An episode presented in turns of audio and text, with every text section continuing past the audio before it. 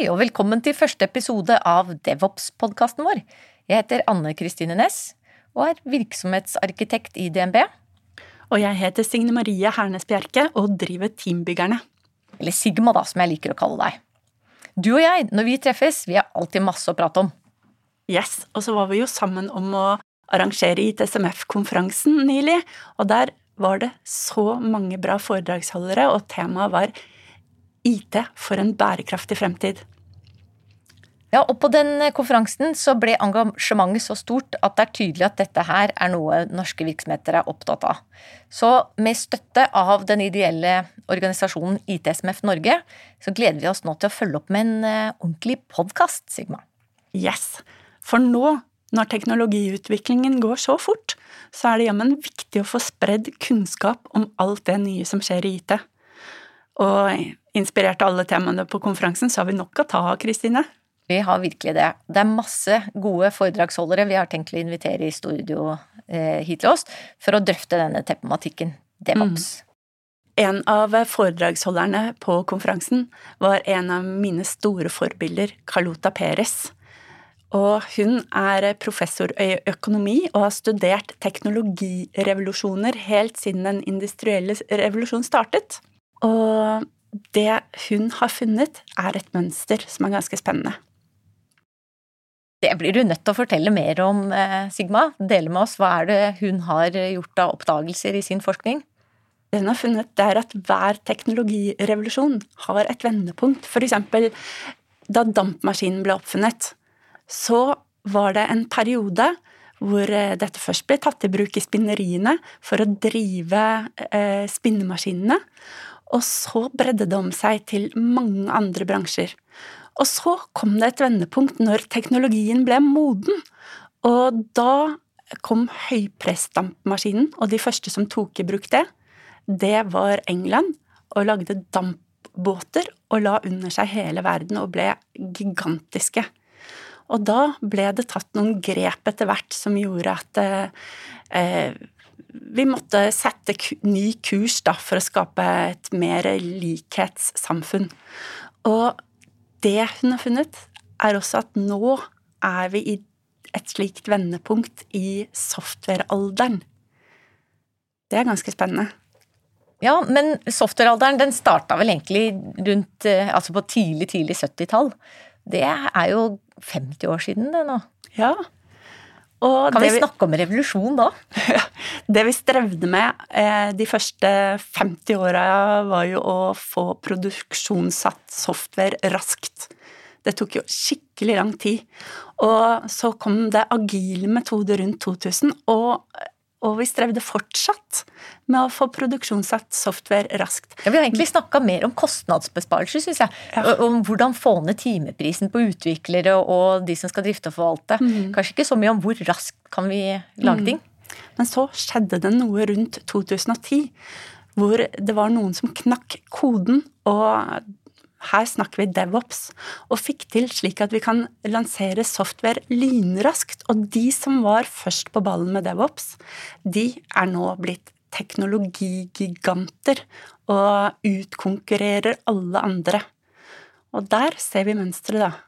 Det er egentlig kjempeinteressant eh, perspektiv hun har på det der. For eh, nå har det jo vært eh, mange år hvor det har tatt kanskje et år å komme på markedet med, med en ny applikasjon. Eh, mens eh, nå kan du jo egentlig få ChatGPT, kunstig intelligens, til å skrive et program for deg. Da kan du egentlig lansere det kjemperaskt, hvis du bare har en plattform å lansere det på og har etablerte kunder. Mm. Og så eh, det at teknologien nå er blitt moden eh, er noe alle virksomheter må ta inn over seg og lære fra teknologigigantene. Og et annet aspekt som Carlota Perez trekker fram, det er at vendepunkter er turbulente. Og det er det vel ikke noe tvil om at uh, vi er i turbulente tider nå. Når vi ser på krig, økende ulikheter og masse problemer eh, rundt i verden som må løses, og så kommer klimautfordringer eh, oppå dette. Så nå trenger vi de musklene som skal til for å utvikle software raskt, slik at vi får støtte til å løse alle disse problemene vi står overfor. Raskt og riktig. Mm, det er sant. Så dette vendepunktet er viktig, og det er derfor jeg brenner for at eh, vi må få spredd budskapet om DevOps. For DevOps handler jo også om å få brukt mer av det menneskelige potensialet også.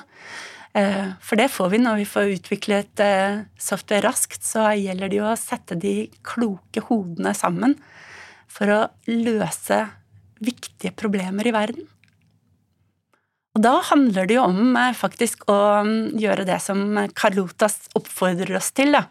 Hun sier at det er nå, akkurat nå i vendepunktet, når, når det eh, snører seg til Så det må bli vondt nok for at vi skal sette en ny kurs. Og når vi nå skal sette en ny kurs, så må vi få til en smart, grønn og rettferdig fremtid slik at vi kan eh, ta tak i de virkelige problemene. Ja, så hvis man da tenker på FNs klimamål, da, mm. at man eh, skal kunne bidra med teknologi som gjør at vi klarer å oppnå det mm. som skal til, eventuelt også, som du var inne på, likestillingsmålene, så vil jo, hvis ikke noen tar kontroll og styring, så kanskje man favoriserer underholdning, ikke sant. At det er spillgigantene, det er mm Eh, disse bettingfirmaene som, eh, som får boltreplass, mens det vi hadde trengt var å få de smarteste hjernene til å finne eh, gode løsninger for bedre sirkulærøkonomi eller for, for digitalisering av det som er skadelig for miljø eller Altså rett opp, rett opp, i flokene. Altså vi har nok av floker i verden nå. Nok av problemer som er eh, store, kompliserte mm. og må løses. Ja. Og det å bruke teknologien for de riktige tingene nå, mm. det blir så kritisk. For det, teknologien kan jo brukes til hva det nå er vi vil. Mm. Og akkurat nå så kan vi vel eh, se at det brukes for mye som ikke gagner planeten også. Ja, og så tenker jeg også på det hun sa rundt, rundt kriser. At det var i en resesjon, en periode hvor folk egentlig tenker at verden er et eh, fælt sted å være. Det var jo da vendepunktet kom. Så hun ser egentlig tegn i tid på at vi har nådd kanskje snart bunnen. Ja, rett og slett. Og at eh, det hun også trekker fram, er at eh, det vi eh, snakker om her, for å pense inn på det, DevOps, Eh, hun, Carlota Perez nevner jo ikke det ordet, men hun sier 'lær av teknologigigantene mm. og digitale startups'. Fordi at de har knokket en kode som gjør at de nå utvikler eh, software, da. Det som skaper IT-støtte for virksomhetene. De utvikler det så enormt mye raskere enn de som eh, ikke har startet på den reisen ennå. Mm. Så der kommer DevOps inn. Og det er jo det Altså, det å lære om DevOps og hvor mange aspekter det tar med seg, det er utrolig spennende. Men hva, hva er det, og hva er det ikke? Det er så mange som bruker ordet DevOps, eh, og mange som er veldig usikre på om de egentlig har fanga hva det handler om. Mm. Hva kan det, vi si til dem, egentlig? Ja, ikke sant. For uttrykket DevOps Eh, det kommer jo fra eh, at de eh, utviklerne jobbet jo tradisjonelt med softwareutvikling, og så kom de til et punkt hvor de skulle lansere i drift. Og først da så var det jo alt det som handlet om sikkerhet og tilgjengelighet og sånn. Altså, det å få det ut i drift tok lang tid. Eh, og det å jobbe DevOps betyr at de har klart å samarbeide på en sånn måte at dette nå går lynraskt. Altså, de, det, det tar med eller bærer med seg en hel kulturell revolusjon for virksomheter, et helt annet tankesett eh, i organisasjonen. Og sånn sett da, så vil vi kunne si at eh, Eh, mye har vært drevet av eh, innovative virksomheter som ikke har tenkt på globale miljøkrisa. De tenker på hvordan skal de evne å levere det de har lyst til å oppnå fort. Ja. Og de har også klart å bygge ned siloer, eller aldri skape siloer in Mm. the first place. Altså at de kunne starte med, med en, eh, en eh, med blanke ark og, og sette opp en organisasjon som leverer fort. Alt dette bygger jo på agil softwareutvikling, som, hvor de knakk en kode for å jobbe på en måte hvor de tok eh, fra brukernes behov og ut til at du skapte noe verdi. At du da får en eh, eh, sånn iterativ prosess med én funksjonalitet om gangen, og så får du tilbakemelding. Og det betyr jo at i eh, loopen der så må de jo virkelig forstå hva som er behovet, og hva er det de skal skape. Og så nå med DevOps så har vi fått med drift på hele den løypa. Eh, og jeg tror, Kristine, at det er, eh, kjernen er å tenke verdistrømmer. Hva er det fra behov til verdi blir skapt, uansett hva, hva det er virksomheter skal få til. Og det mindsettet har disse digitale startups fra starten av. Mm. Og fail fast. Ja. Altså de tenkte at det er ikke noe vits å sitte og, og, utvikle på en kjempesvær eh, ny greie som ikke de lanserte før om et halvt år eller et år kanskje. Det var big bang, alle brukerne på, og det gikk skikkelig, skikkelig gærent. Mens her er det snakk om ørsmå inkrementelle endringer som de kan slippe ut til brukerne kanskje mange ganger om dagen. ja. Og det blir så små forandringer at driftsapparatet, hvis, de har, hvis det er noen andre enn utviklerne selv som skal eh, ta vare på server eller hva det måtte være, så merker de nesten ikke at det er gjort en forandring, for det er så, det er så marginalt. Som i seg selv er risikoreduserende, da. ja. Så, så sånn sett, for vi har da sagt at startupene var egentlig driverne for, for eh, DevOps-praksiser, og at det har spredd seg så fort, er jo fordi veldig mange har ønsket å etterape dem. For vi har sett at dette her er jo ikke mange som har klart før dem, og, da er det fristende å kopiere mønsteret. Men, men nå, da, med den digitale transformasjonen, eh, nå er det jo også det at vi blir nødt til å forandre oss fort. Altså mye fortere endring enn det man trengte på tidlig 2000-tall, til og med. Ja, for nå har eh, verden endret seg også. også.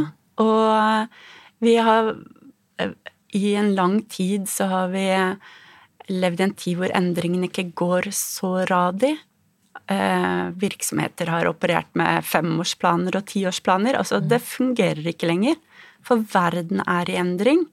Og teknologirevolusjonen, eller teknologiendringene, eh, de er jo Det går jo ubarmhjertig raskt for mange å klare å følge med på de eh, Ja, hva som er eh, de nye tingene de må lære. Hva Og hva som er mulig. For jeg tenker også på, på myndigheter og alle de som sitter og, og krever at man skal f.eks. etterleve nye lovkrav. De forlanger jo helt andre ting. Altså De har jo skjønt at det går an å kreve egentlig en, det som ville vært nærmest en revolusjon eh, for 20 år siden. Det, det for, forventer de at man kan levere kanskje på noen måneder eller et halvt år. Eh, Og jammen så får vi det ikke til også, i den grad vi er rusta for, å- for å endre oss fort. Sånn at det er en del eh, lover som har trådt i kraft som, eh, som folk er i stand til å etterleve lynraskt, som vi i 2002 for eksempel ikke ville fått til. Ja, og bare tenk eh, i koronatid nå. Da de, mange virksomheter måtte bare snu seg rundt på dagen for å levere helt andre tjenester enn, og det raskt. Så vi har vært gjennom en periode hvor vi virkelig har fått kjenne på kroppen behov for raske endringer. Og så er det jo det med DevOps at eh, det å få en organisasjon til å være rigget for raske endringer, det innebærer eh, eh, mer enn bare teknologi. Ja. Ikke sant? Det, DevOps er jo et sånt grasrute, grasrotbevegelse som eh, handler aller mest kanskje om mennesker og kultur. Ikke sant? Og hvordan man jobber sammen med Altså egentlig teknologinært. Det er ikke toppledelsen. Dette her er de som gjør jobben, som faktisk skaper og videreutvikler og forvalter og drifter ja. teknologi. Når, de, når, en gjeng med kompetente mennesker, altså det kanskje starter fra teknologene her som da klarer å forstå hva er det denne virksomheten trenger å få skapt raskt for hvilke kunder, og så ser de hvordan kan vi strømlinjeforme en eh, prosess hvor vi kan få skapt dette raskt. Ikke bare en eh, rask flyt av eh, ny funksjonalitet, men at det er sikkert, det er stabilt. Ikke sant? Når de får på plass et sånt apparat, så er det jo utrolig viktig at virksomheten, resten av virksomheten kobler seg på mm. og sier hva er det vi faktisk skal lage? Ja. Hva er det vi skal skape for hvilke kunder? Hvilke problemer skal vi løse? Mm. For verden. ja, ikke sant. Men, men eh, for når det gjelder den store globale digitale eh, transformasjonen, da, mm. eh, så, så ser vi at det, det, er jo altså FN, EU eh, e Det er mange som er på banen og, og kommer med direktiver, og det det stiller større og større krav, blant annet til eh, banker og finansielle foretak, som jeg jobber innenfor, mm. som eh, jeg tenker setter retning som er positiv for samfunnet, for det globale fellesskapet. Ja. Det er krav som blir stilt, som, eh, som, også IT må etterleve. Og det er mm. mange perspektiver som skal etterleves. Mm. Og, og, hvor også man ser at Eh, kravet til å, å, være gjennomsiktig som foretak og kunne vise fram at vi har ting på stell. Mm. At vi kan vise hvordan vi leverer på alle disse eh, både lovkrav og, og andre bestemmelser. Eh, det blir avgjørende for vår konkurransekraft. Fordi at Klart. både kunder kan slutte å, å, bruke oss, men også fordi vi kan miste lisens til å drive. Mm. Og, og, det har en har eh, impact på hvordan vi eh, er nødt til å kunne levere fort. Mm. Og du har jo erfaring fra dette i praksis, å få det implementert også. At eh, altså det å få teknologien til å kunne ta seg av å samle beviser for at du lever i henhold til regler, hvilken forskjell gjør det fra at det må gå opp og ned i hierarkiet og skrive rapporter hit og dit? Ikke sant? For det er jo litt sånn død over Excel-arkene her nå. Mm. For man rekker ikke å holde Excel-ark oppdatert når ting endrer seg inkrementelt mm. mange ganger om dagen. Eh, og kanskje er det massevis av team som jobber sammen eh, om å forbedre deler av løsningen. Sånn at det du rapporterte på i eh, PowerPoint eller Excel i forrige måned, er utdatert informasjon. Og så, og så, ble det da ofte sendt opp ett nivå og to nivå og tre nivå opp i ledelsen før det kommer tilbake igjen som eh, godkjente beslutninger.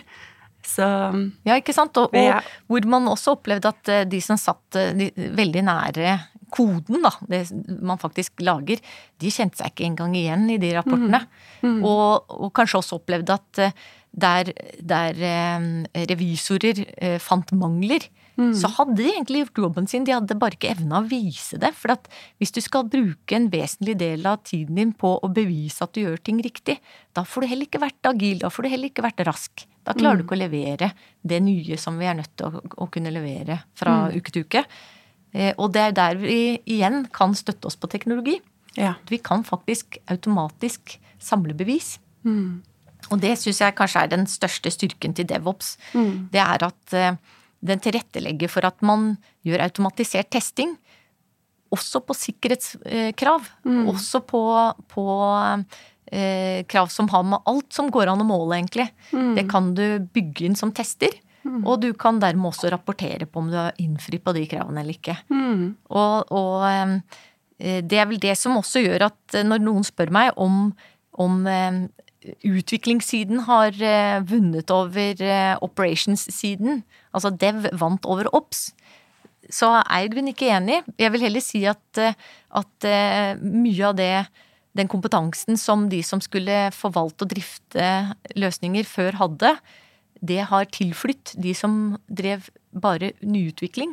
Og så har man gjerne forent teamene, sånn at de sitter nå i samme team og har ansvaret for hele livssyklusen til den samme koden og samme riggen som man hadde ulike team som tok vare på segmenter av før. Og det i seg selv er jo med på å fjerne noen siloer internt. Ja. Og ikke minst eh, fremme eh, vår evne til å vise tilbake. Bevis på at vi, vi, gjør alt det vi skal gjøre. Vi gjør det etter boka. Det der er jo et eh, ganske sånn prakteksempel på DevOps, hvor du får eh, utviklerne og driftsmiljøet til å eh, samarbeide på tvers. Og ha med dette hva som er kritisk for virksomheten å få til. Ja. Så ja, og så wow. unngår du anarki ved at eh, vi må fortsatt kunne rapportere på et språk som ledelsen to, tre, fire, fem, seks nivåer opp eh, i hierarkiet eh, forstår. Mm. For de forstår faktisk ikke kode. De forstår heller ikke kompliserte sikkerhetstester. Men det de forstår, det er om vi er i henhold til eller ikke et lovkrav som er så rundt formulert at det er vi sjøl som virksomhet som er nødt til å, å bokstavere ut hvordan skal dette måles hos oss. Men hvis vi vet at den målingen vi gjør, innfrir på det kravet, mm. så kan vi flagge det som grønt. Og da kan eh, man presentere det til toppledelsen som at vi er compliant på alle relevante krav. Wow. Og da har du bygget også en bro imellom eh, de som eh, som sitter på ja, f.eks. i styret til en virksomhet, mm. Eh, og utvikleren, egentlig. Mm. Du har trukket en rød tråd opp igjennom.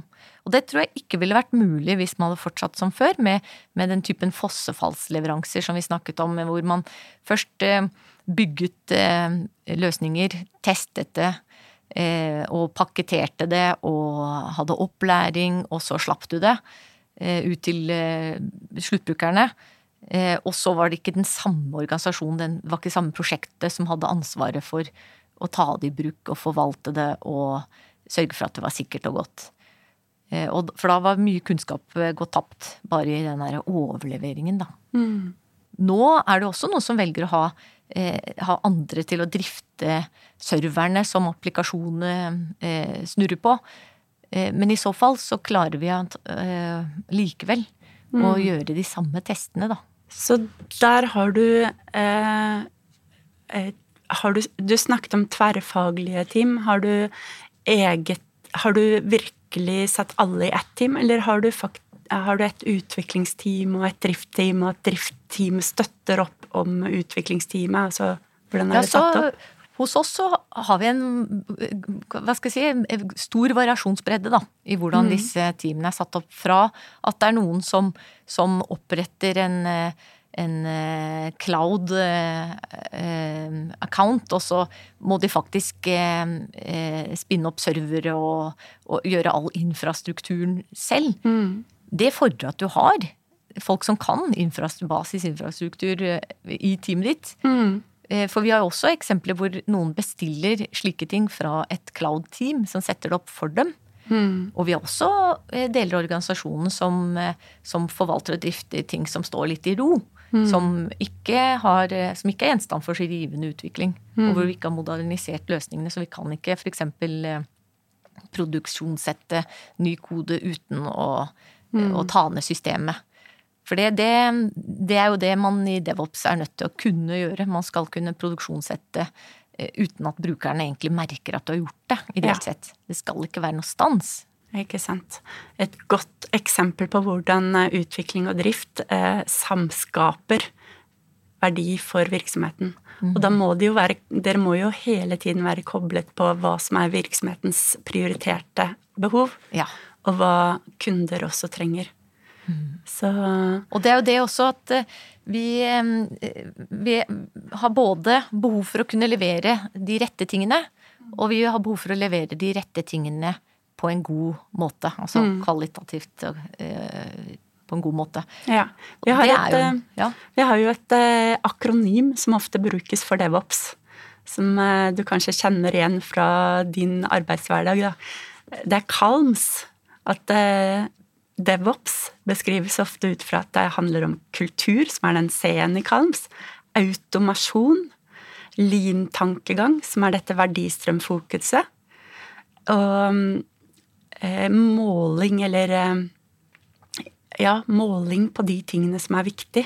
Mm. Sånn at du følger opp på det som har verdi. Og deling av erfaring. Sharing is caring. Sharing is caring, ja. ja.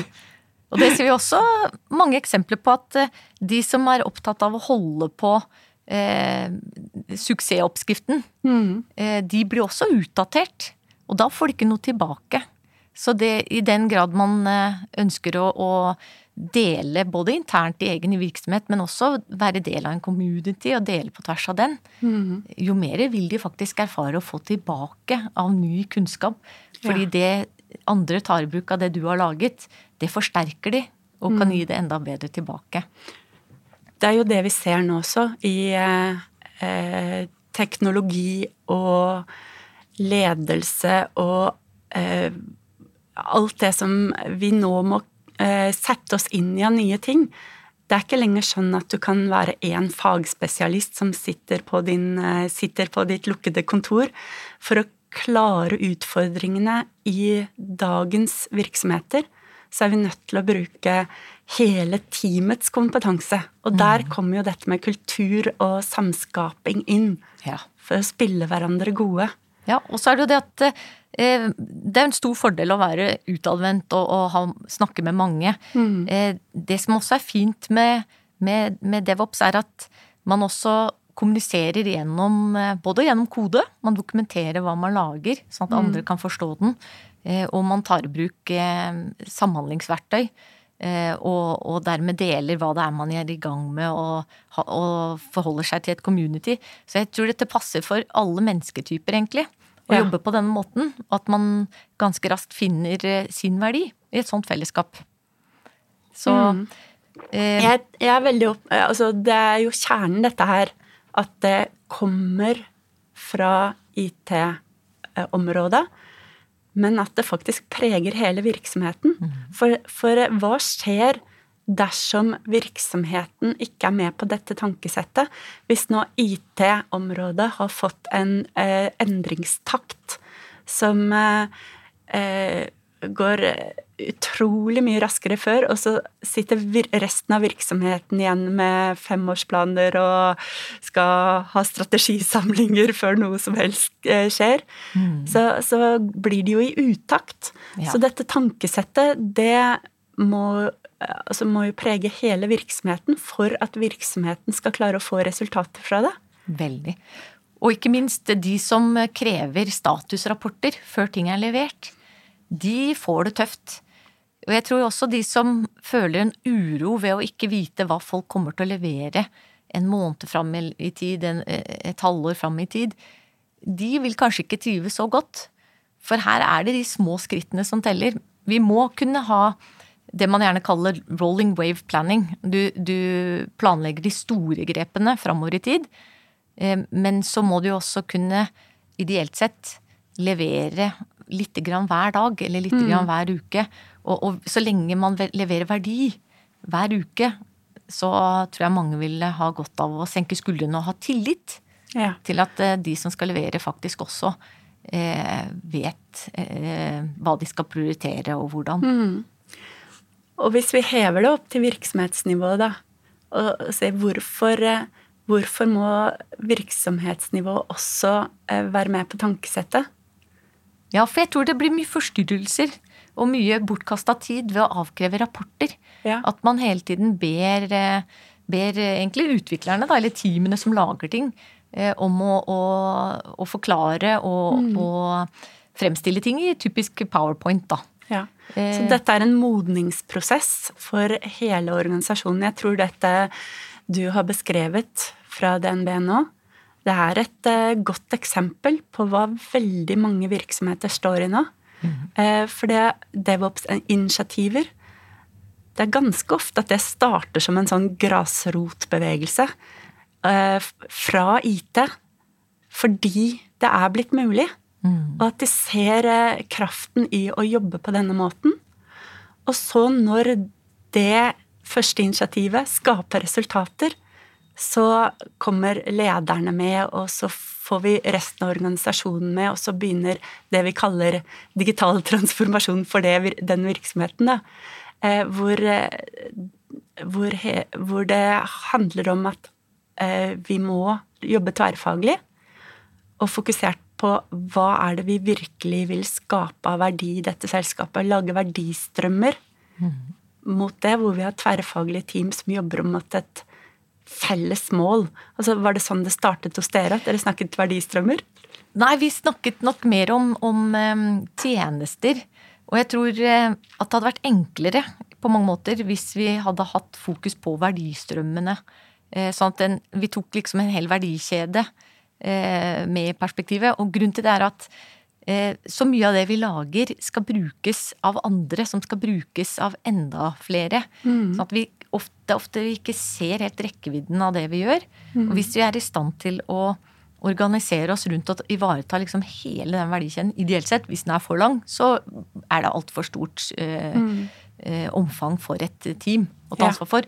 Men jeg, jeg, tror det er et veldig godt tips du har der, eh, at vi eh, tar tak i verdikjeden, lager eh, team som har som ansvar å ta vare på hele livssyklusen til alle komponentene i den verdikjeden. Ja. Og at eh, man også eh, ideelt sett setter opp målinger automatisert. Sånn at eh, ledelsen selv kan gå inn og se hvordan er ståa. Hvordan, hvordan er indikatorene våre i dag? Mm. Bør ikke lage noen månedlig oppsummering, fordi de har da ideelt sett et live dashboard.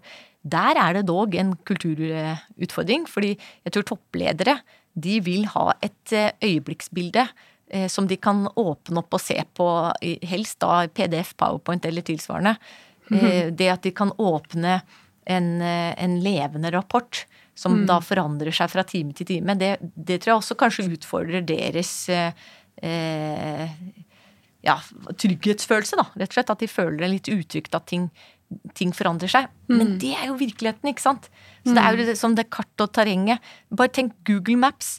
Jeg har Google Maps på bilen når jeg kjører inn i, et, et, i en skog og ser at det er en hogstflate der. Google Maps har ikke vært der siden det var grønn skog. Nå er det hogstflate. Så det er jo knapt det kart som klarer å holde tritt med terrenget. Mm. Og sånn er det i hvert fall innenfor softwarebransjen. Mm. Så topplederne må nok også gjennom den litt sånn kulturelle transformasjonen, da. Jeg holder jo mange DevOps-kurs for tiden. Eh, og det er eh, For det første er det utrolig gøy å se når eh, vi får de aha-opplevelsene hos kursdeltakere. Men du verden så ofte jeg har opplevd at denne kommentaren åh, jeg skulle ønske lederen min hadde vært der. Ja. Og så er det ikke sjelden at de også Neste steg blir at lederne blir med på kurs. Mm. Fordi at det var i en situasjon hvor jeg hadde en hel gjeng med utviklere på kurs. Og de sa, sa, sa, til lederen at dere må også, hvis vi mm. skal klare å få til noen ting, så ja. Ikke sant? Så, ja, så de topplederne i de virksomhetene som, som, mener at vi må lykkes med innovasjon, mm. og så leier de inn konsulenter, ja. de burde sette seg inn i hva dette handler om, og heller mobilisere sin egen grasrot ja, hjemme hos seg sjøl. For innovasjon handler jo om eh, veldig mye om en kultur hvor kreativiteten får lov til å blomstre, og hvor det legges til rette for det. Ja.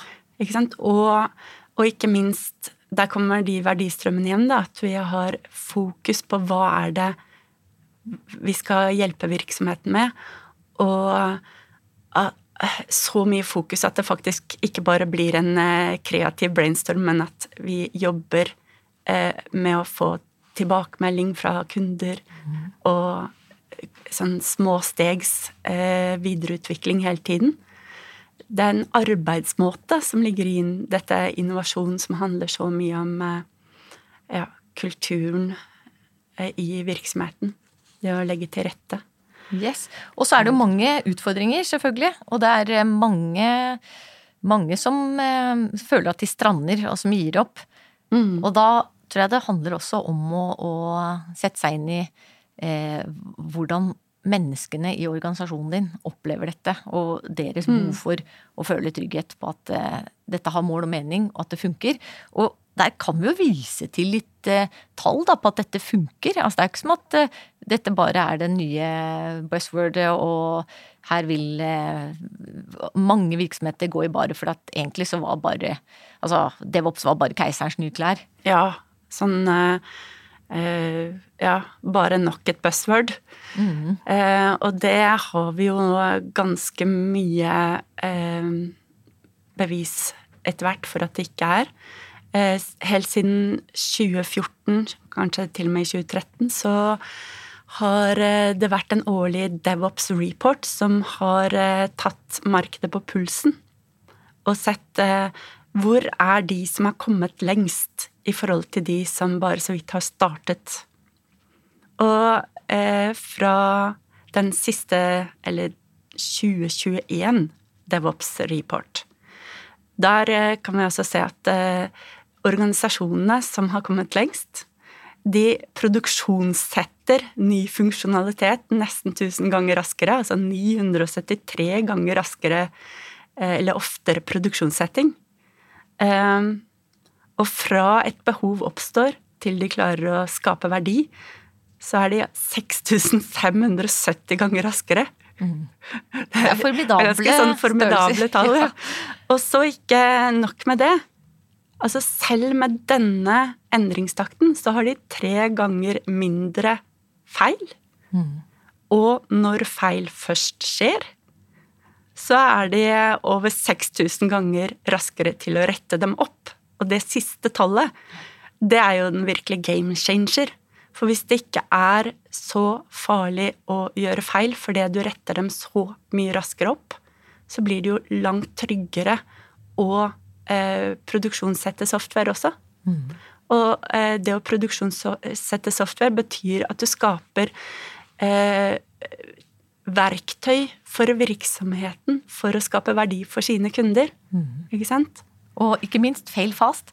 Hvis ja. du eh, slipper ut noe som har feil, eller som kundene responderer dårlig på, så finner du det ut med en gang. Du kaster ikke bort mange millioner. Nei. Du, du kaster bort noen timers arbeid. Ikke sant? Som er den store, store forskjellen fra måten vi jobbet på før. Hvor mm. alle planene las i forkant. Ja. Alle kravene samles inn, og så sitter et software-team i et mørkt rom i et år, og så skal du tro at det du skaper i den andre enden, altså mm. kommer ut et år etterpå, at det treffer kundens behov. Ja. Og at du setter en hel haug med folk internt til å teste det, mm. og, og, prøve å late som de er kunder. Ja. Istedenfor å teste det på ordentlig reelle kunder. Ja. Og dette, den, i den eh, loopen der så får du en samskaping med kundene dine. Og den samskapingen, det at det går så raskt fra kunder eh, formulerer et behov til de faktisk ser resultater. Mm. Enten Altså, det gjør jo at du får en helt annen relasjon også til de kundene dine. Mm. Enten de er eh, kunder som kjøper ting av deg, eller at de er eh, interne folk. Interne folk ja. ja. For det Ikke sant. De som du skaper verdi for, ja. de har du så mye eh, mer kommunikasjon og eh, samskaping med. Mm.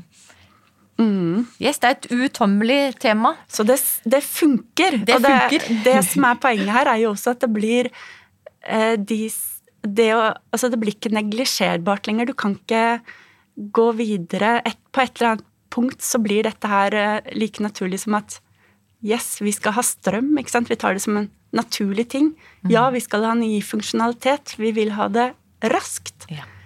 Eh, og, og, da er vi litt tilbake til ja. det Carlota snakker om, med den digitale revolusjonen. Ja. Og det at vi faktisk eh, står overfor eh, store omveltninger. Og at hvis man rigger seg på den måten, så øker sannsynligheten for at du er med toget når det forlater perrongen. Ja. De står igjen. Ja.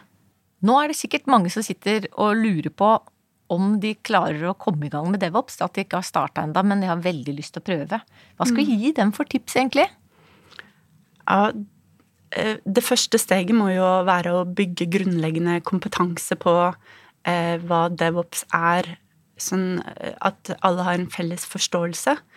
Og for å komme i gang, så tenker jeg at det aller viktigste er å stille spørsmålet hvem er egentlig kunden din?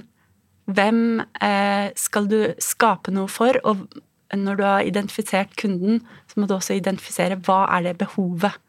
Og så kartlegge verdistrømmen i, eh, som skal til for å tilfredsstille det.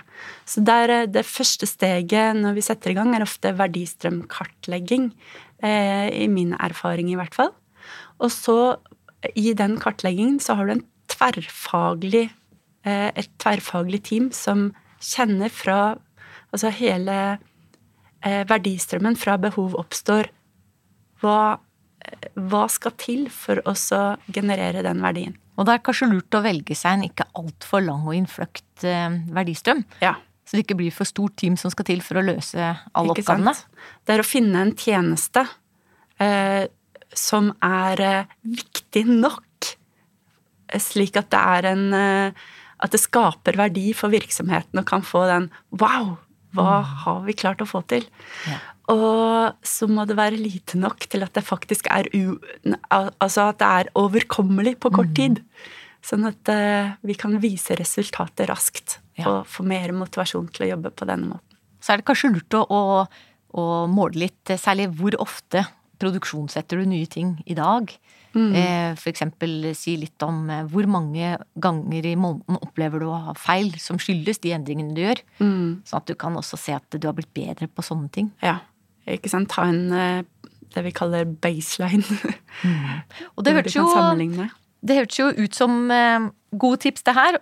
Og da tenker jeg også at det fins noen rapporter. For hvis du skal i gang med å etablere et DevOps-team, så er det sikkert lurt å vise ledelsen eh, at dette funker. Ja. Og da har vi eh, den årlige State of eh, DevOps-rapporten. Mm. Og den viser jo da eh, nøkkelfaktorer som viser eh, resultatene for de som har jobbet med DevOps en stund, og kan vise til eh, disse eksepsjonelle tallene, da. Em, og så har vi en bok som heter Accelerate, som em, eh, på grunn av disse tallene var eh, oppsiktsvekkende, så satte de i gang et forskningsteam for å så finne ut hva ligger bak tallene. Og den boka er eh, absolutt verd å lese, for da eh, finner du mange av de komponentene som må til for å skape digital transformasjon. Det som har med mennesker og kultur å gjøre. Ledelse, lean-tankegang, arbeidsmåter. Eh, så Og da har den boka, Accelerate, den har undertittelen The Science of Lean Software and DevOps.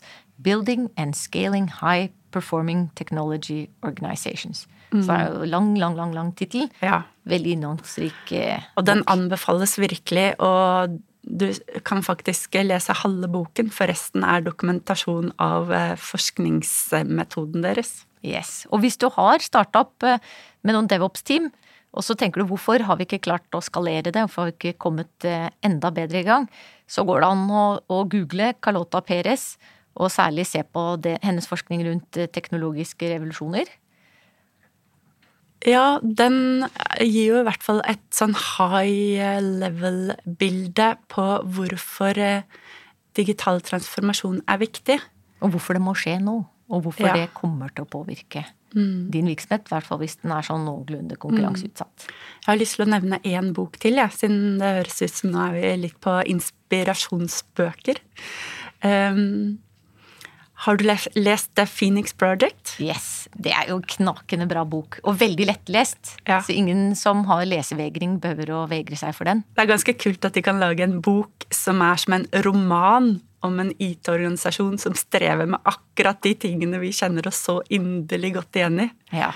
Og han, eh, The Unicorn Project, som er oppfølgeren, er jo eh, nesten enda bedre. Så de tar på kornet hvordan eh, IT-organisasjoner eh, var før og nå. Altså den endringsprosessen som eh, vi må igjennom og beskrive hvorfor det er nødvendig. Ja, så altså The Phoenix Project og The Unicorn Project. Gene Kim. Og hvis dere har lest det, så tipper jeg også at det blir lettere å formulere eh, hvorfor det er viktig å gjøre noe hos dere. For det, det skal mye til at folk ikke kjenner seg igjen. Mm, det er sant. Da runder vi av og takker alle som eh, har eh, lyttet til oss. Og ikke minst til ITSMF Norge, som har sponsa dette gildet. På gjenhør. Takk til alle sammen.